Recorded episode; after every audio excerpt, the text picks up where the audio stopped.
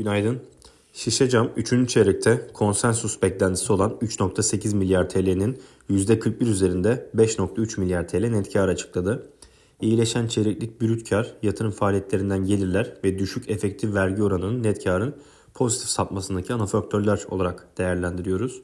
FAV'ye baktığımızda yıllık bazda %30 artarak 7.4 milyar TL olurken 6.2 milyar TL olan piyasa beklentisine %19 aştı. Ciro'da sınırlı büyüme devam ediyor.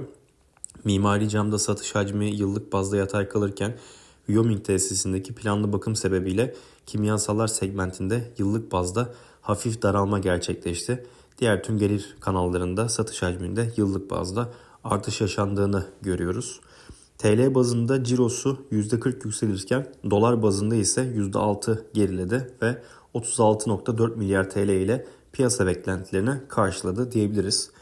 E, şişe camın brüt kar marjı, döviz bazlı ürün fiyatlarındaki düşüşler, mimari cam tesislerinde uygulanan brüt çekme oranı azalışları, kimyasallar segmentinin yüksek baz etkisi kaynaklı yıllık bazda 120 baz puan azalışla %35.9 seviyesine e, geriledi. Operasyonel giderler satışlar oranında yıllık bazda hafif azalış yaşandı ve fabrik marjı %20.3 olarak gerçekleşti. Borçluluğa baktığımızda net borç FOVÖK e, hala 1.6 aslında yönetilebilir bir seviyede kaldı diyebiliriz.